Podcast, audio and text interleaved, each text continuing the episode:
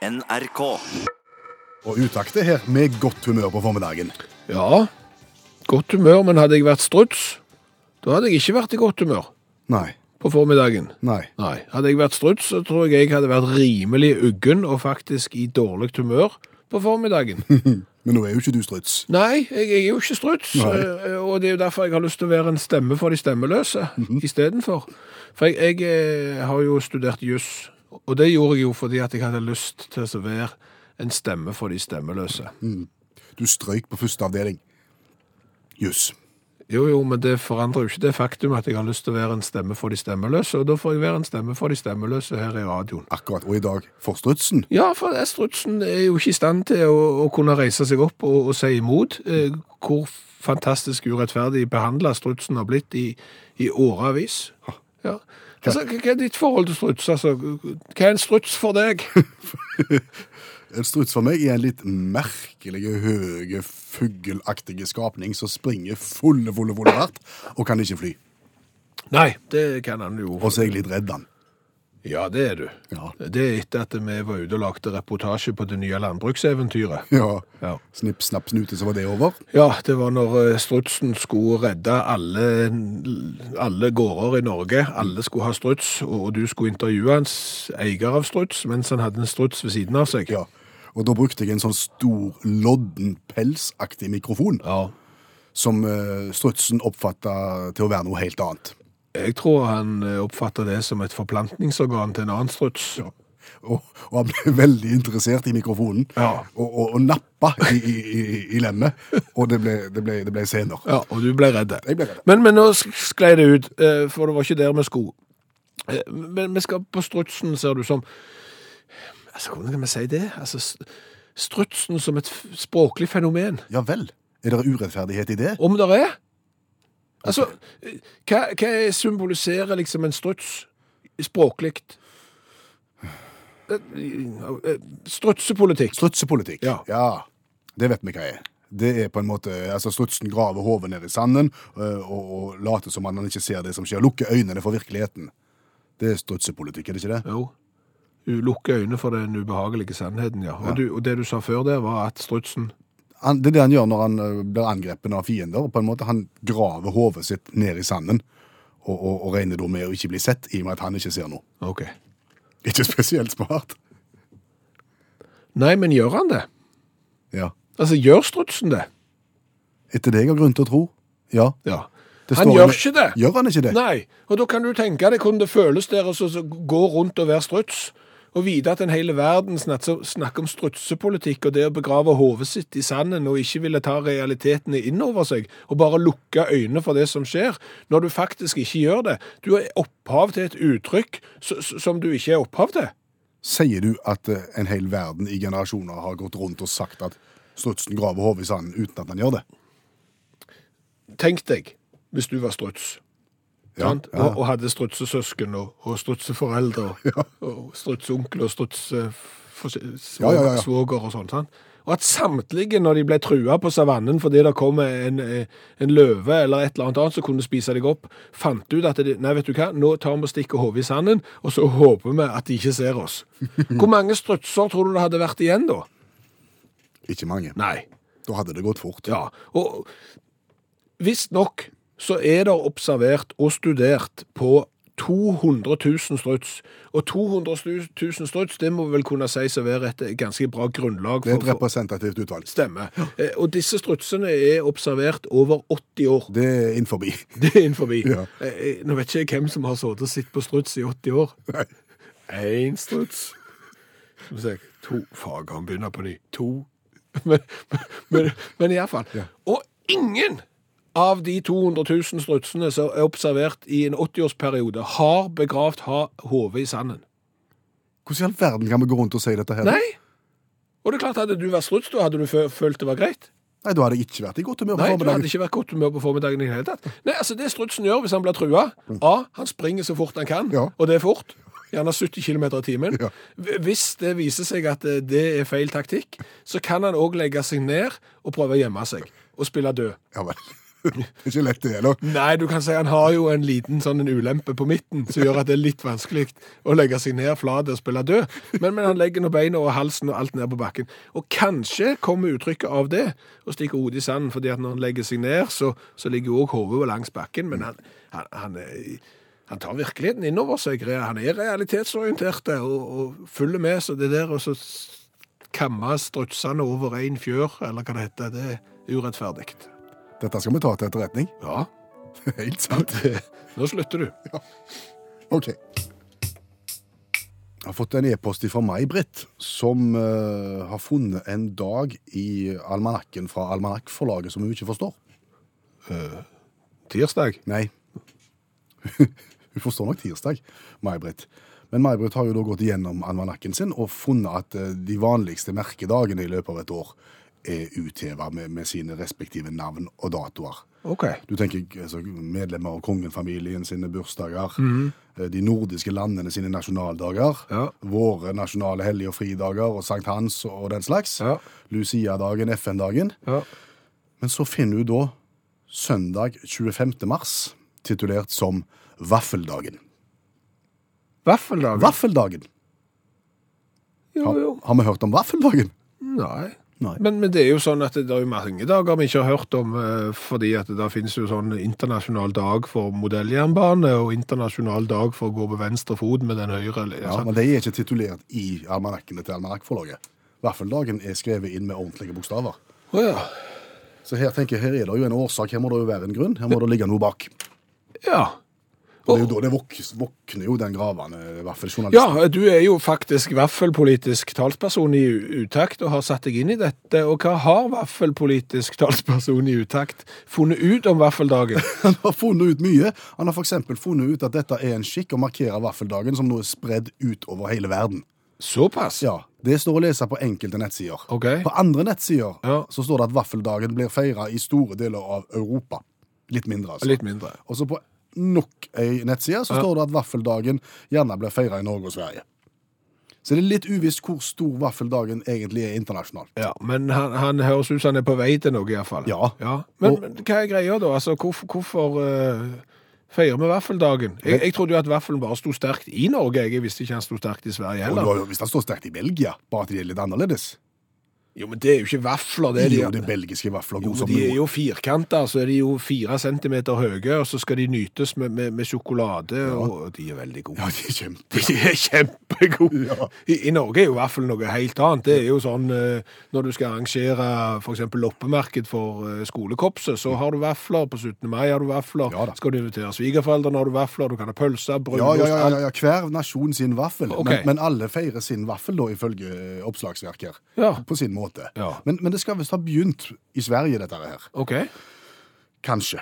Altså Det er veldig omtrentlig etterforskning du driver på med her. Ja, det er egentlig det. Men hør nå. Ja. Eh, 25. mars, som er den årlige datoen for vaffeldagen, Mm. det var den dagen da jomfru Maria fikk budskapet fra engelen Gabriel om at hun skulle føde. Altså Maria, Marias budskapsdag. Altså, hva har dette her Hør da. Jo, men altså, Maria får beskjed om at hun er, eh, som vi sier her, smell det, sant? Du er smell det du skal få, og så blir det til vaffeldag. Ja, for, for, for jeg sa Maria budskapsdag, eller på svensk Vår frues dag, eller på enda mer svensk Vår fru-dagen. Som ved en liten språklig misforståelse ble til våffeldagen. Vår fru-dagen, våffeldagen, som etter hvert igjen ble til vaffeldagen, som etter hvert da ble til en feiring som foregår over hele verden. Altså, er, er, kan vi rett og slett slå det fast at denne her verdensomspennende dagen Mm. har et opphav i at det er noen svensker som ikke snakker rent, Kanskje, eller noen svensker som hører litt seint? kanskje, Oppsiktsvekkende. Ja, men en annen forklaring kan være at det i slutten av mars begynte å bli mye mer tilgang til både egg og melk etter mange magre vintermåneder, og dermed så feirer han våren på en måte, en kjerke om en anledning til å kose seg litt, og så lagde de vafler. Ok. Ja. Jeg trodde egentlig alle sånne litt rare ord hadde opphav i lavtysk, jeg. ja. Vaffel, tenker du? Ja, vaffel. Feirer de òg vaffeldagen? Det er etter det jeg har grunn til å tro, ja. Ok. Ja. De er òg sterke på sånne flyvende vafler, de. Å? Ja, luftvaffel har de. Nei, det er noe helt annet. Ja. Nei, jeg skal ikke blande inn det. Å nei, sorry. Men, men eh, ja, som jeg sier, store deler av verden, unntatt USA. Feirer ikke vaffeldagen i USA? Nei, USA? USA har sin egen vaffelfeiredag, 24. august. De velger ikke 25. mars, 24. august, fordi Og nå kan du ta notater. Ja. Verdens første vaffeljern, oppfunnet i USA av Mr. Cornelius Swarthout. Han tok patent på den populære oppfinnelsen den 24. august 1869, og dermed så ga han datoen for amerikanere sin egen offisielle vaffeldag. Hva er fordelen med å lære seg ei kjent, berømt, eh, klassisk bok på fire minutter? Du er i stand til å framstå som om du har lest den ute i de sosiale lag, f.eks. eksempel. Og samtidig så har du jo spart deg for dagavis med arbeid. Ja. For å lese noen av disse bøkene tar litt tid. Der er kolossalt mange sider i de. Mye skrift, små bokstaver, lite bilder. Sant? Det tar tid, og hvis du ikke har den tida eller lysten, så, så er fire minutter gjerne nok. Dette er en håndsrekning til deg fra oss i Utakt, via vår litteraturviter og forfatter Janne Stigen Drangsholt, som hver uke tar for seg et nytt verk. Sett av fire minutter nå.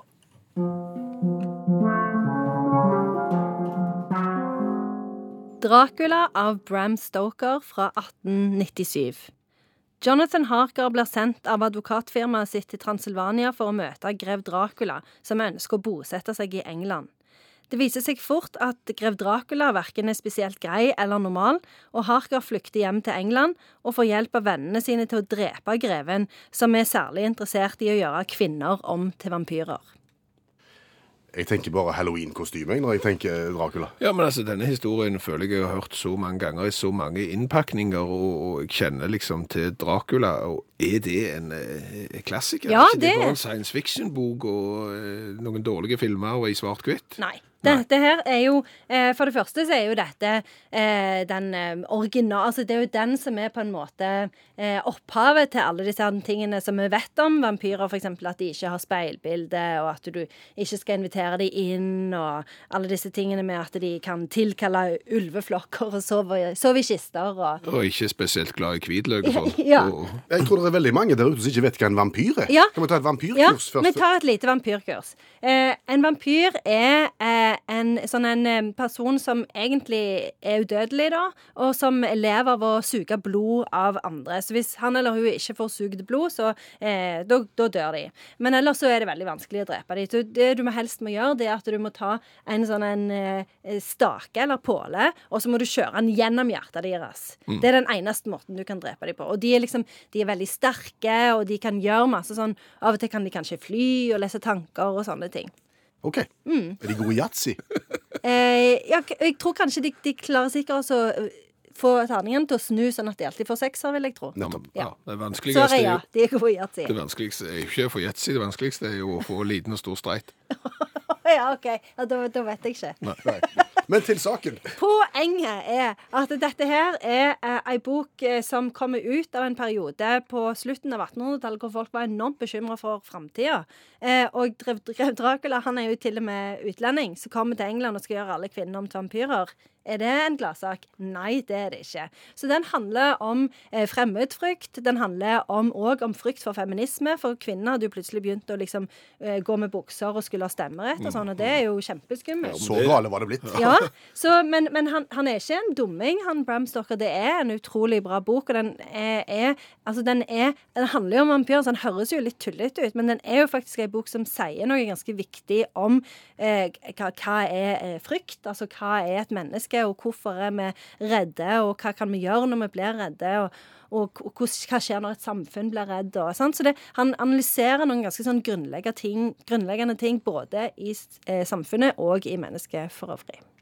Hvor imponerer vi hvis vi forteller at vi har uh, satt oss godt inn i Dracula? Jeg tenker at det er ganske imponerende, fordi Dracula, vampyrer er jo ganske sånn, eh, et sånn fenomen som kommer tilbake stadig vekk eh, i film og sånn. Så det er jo et ganske sånn nyttig tema å kunne snakke om i selskapslivet. Og da er det liksom sånn, gjerne noen som har lest Twilight eller sett filmen eller noe sånn. Og så hvis du kan slå i bordet da med at du har nesten lest eh, Bram Stokers Dracula fra 1897, så tenker jeg at da kan du fort komme vinnende ut. Ja, men Gi oss et sitat. Ja, jeg har et sitat.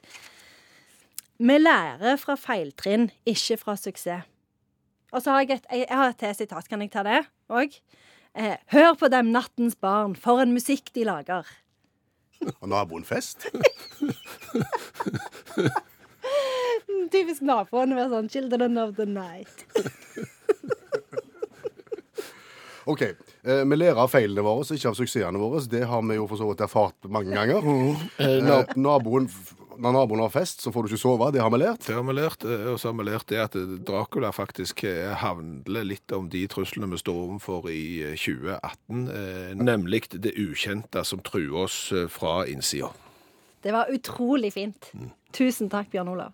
Og tusen takk skal du ha, Janne Stigen Drangsholt. Forfatter, litteraturviter og en god del annet. Å, veldig løye. I går så presenterte vi vel en slags eh, meningsmåling i programmet. Ja, vi gjorde det, for vi, vi snakket jo om disse ungdomsmagasinene som fantes eh, mye før i, i, papirutgave, der du kunne sende inn spørsmål om mangt og meget. Ja. Jeg er en jente på 14 år, er jeg normal? Eh, Og på disse sidene her så var det alltid en spalte som het noe sånn som Da ble jeg flau, da. Ja. Der, der folk kunne fortelle om når de virkelig hadde lagt det store egget, drevet på draget og virkelig skjemt seg ut. Så vi fikk jo en tanke. Er det mulig å gjenopplive den spalten der i radioformat? Så vi spurte deg som hører utakt, er det en god idé? Og har du en eller annen historie du har lyst til å dele? Svaret var ja og ja. Ja, så, så hvis folk har lyst til å høre det, og folk har historier å bidra med, så, så vil jo vi prøve. Og nå har jeg sydd i hop en, en helt splitter ny vignett til denne spalten. ja. Da er jo mye gjort, tenk. Ja, ja, ja. Kunne du tenkt deg å ha hørt på den? Veldig gjerne.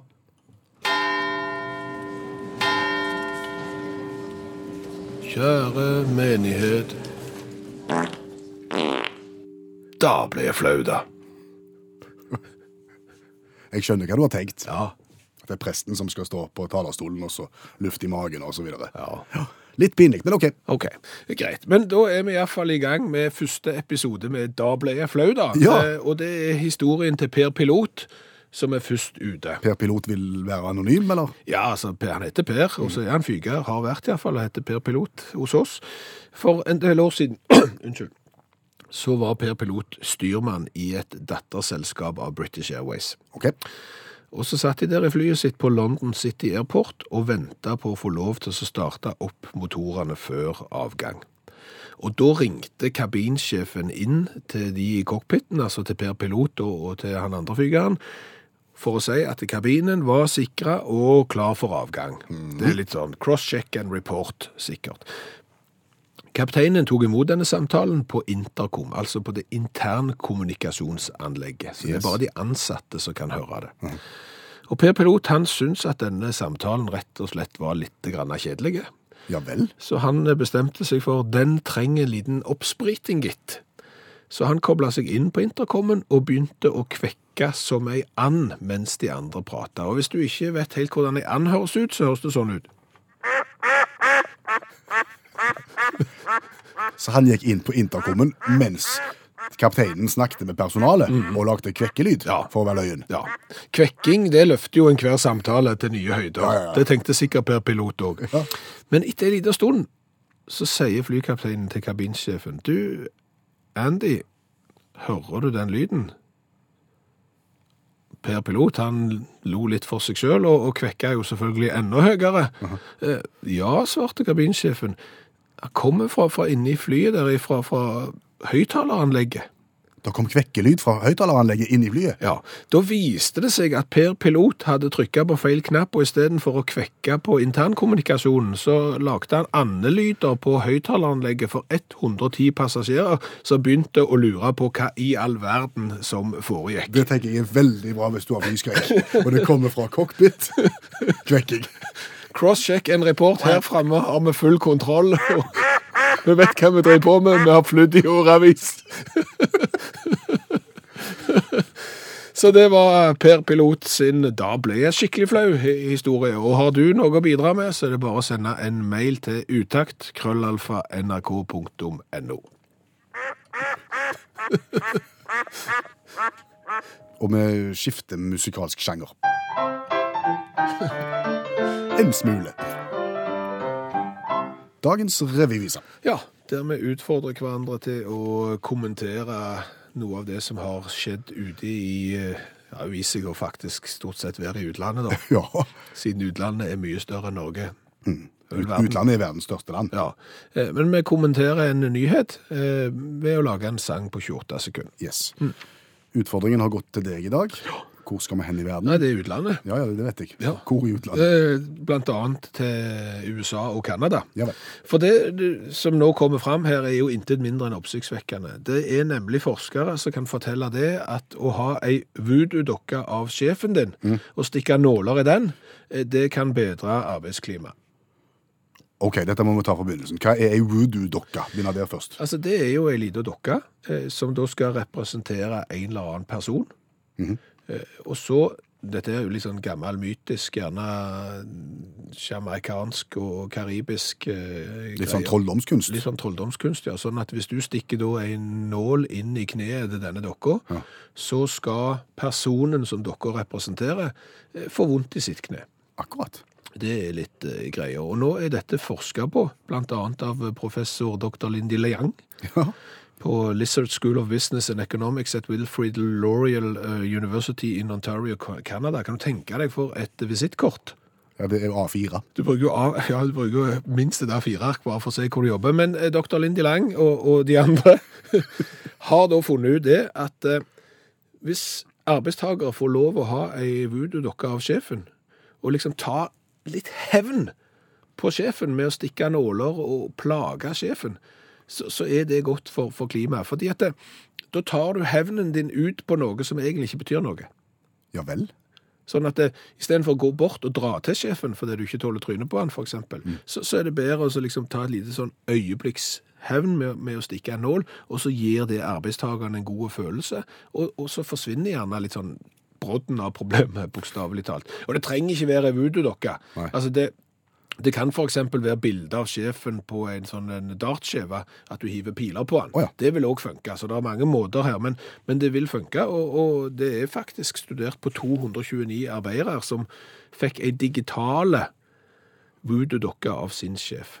Altså, Dig digitale. ja, de, de kunne gå inn på internett, og det har jeg gjort uh, på den sida som de fikk. Ja. Og, og der er det eh, der er det en sånn en liten eh, digital versjon, og så gir du navn til denne dokka på internett. Jeg, jeg har lagd ei dokke nå som jeg har kalt for Tor Gjermund. Ja, det var det jeg skulle spørre deg om, skjønner du. Fordi at i NRK så er det jo mange sjefer. Ja, jeg altså, har du har jo vaktsjef, du har mellomleder, du har leder, du har distriktsleder, du har alt mulig leder. Ja, ja. Så, men har du gått helt til topps her? Jeg, jeg har gått til topps, ja. Jeg har lagd eh, min digitale voodoo-dokke som heter Tor Gjermund. Den kan jeg velge å stikke med nåler, for eksempel. Det høres sånn ut. Og du hører jo den der litt sånn skremmende eh, Suggererende trommelyd. Ja, så har jeg òg ei klypetang, så jeg kan f.eks. klype Tor eh, Gjermund i nesen. Eh, og så til slutt så, så har jeg stearinlys. Så kan jeg f.eks. brenne de nedre regionene til Tor Gjermund med stearinlys. Alt dette ved hjelp av noen enkle tastetrykk. Ja. ja. Det, og, og det er denne digitale dokka forskningsobjektene har, eh, har brukt, og som sagt så viser det seg at dette virker. Hvis arbeidstaker får lov til å drive litt digital voodoo på sjefen sin, så blir arbeidsklimaet bedre. Jeg kjenner ikke at vi har problemer med klimaet i utgangspunktet, så jeg vet ikke om det er nødvendig her og nå.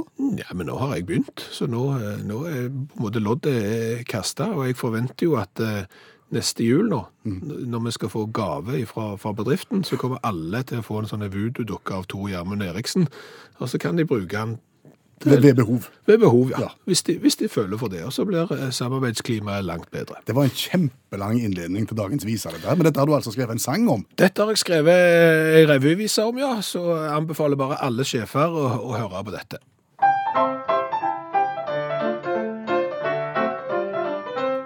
Å stikke sjefen i øyet, i mage og i lår kan være godt for alle ansatte på jobben. En voodoo-dukke i tøy, den kan lege gamle sår hvis den forestiller arbeidsgiversnobben. Så til direktøren, guru og dekanus, se opp for nål i rygge, hofte og i anus. Atmosfæren på jobb kan bli ganske spesiell når TG Eriksen punkterer med et smell. Hva har vi lært i dag? Å du allvideste verden. I dag òg. Ja, vi har lært mye i dag. Vi har blant annet lært at stuts, st stutsen, ja. Stutsen er et artig dyr. Strutsen strikk... Kom an. Strutsen stikker ikke hodet i sanden. Gjør han ikke? Nei, han gjør ikke det. Eh, og dette har vi jo lært i dag, eh, men så har jeg jo fått en melding fra en som er strutseviter. De fins. Ja, visstnok. Eh, strutsen har flotte fjær. og de renses i sanden.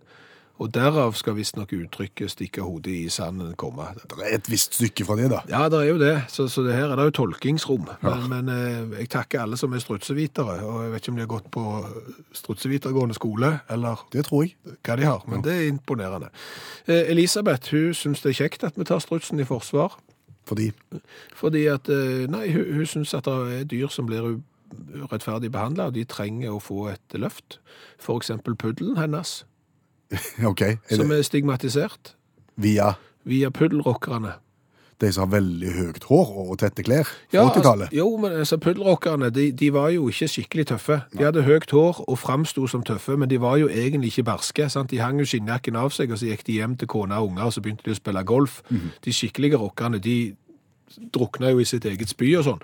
Eh, Så, så derfor så vil hun For hun har en puddel som, som jager katter, syklister, biler, fugler og alt som er bevegelig. Og, Og fins ikke pysete? Nei, spiser gamle sudre, altså sånn matrester og alt som er ekkelt. Ja. Skikkelig tøffing, sant? Eh, Og blir da stigmatisert ved at eh, puddelen blir satt i samme bås som puddelrockeren. Så det skal vi se om vi kan gjøre noe med. Ja. Eh, Så har vi lært det at eh, å ha ei voodoo-dokke av sjefen, altså en sånn liten modelldokke av sjefen, og stikke nåler i den for å få ut aggresjon, kan være veldig bra for arbeidsmiljøet. Så det har vi lært. Så har vi lært ganske mye om vaffeldagen. Ja. 25. mars.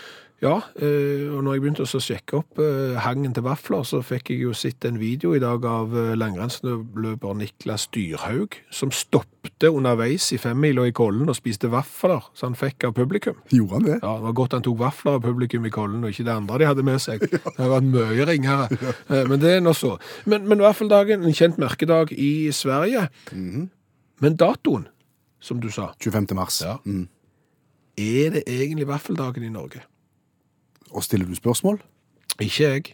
Nei vel. Folk stiller spørsmål på SMS. Det er jo strengt tatt den store brennevinsdagen. Finnes den òg? Ja, det gjør visstnok det. Altså, eh, det var den dagen eh, når eh, lofotfisket var over og det ble delt ut fortjeneste. Og da var det visstnok rett i, i, i brennevinet og brennevinsdagen, Altså, altså. altså Kombinasjonen vafler og brennevin er jo uovertruffet. Ja, ja. Det er jo midt i, midt i blinken. Og helt til slutt eh, så har jeg jo lært det at det første vaffeljernet Ja. oppsto i USA. ja. den 24. august 1869, og det var Cornelius Svarthaut som designet det og fikk patenten på det. Akkurat den kunnskapen vet jeg ikke helt hvordan jeg skal bruke, men Du vet aldri når du får bruk for kunnskap du har lært i utakt. Hør flere podkaster på nrk.no podkast.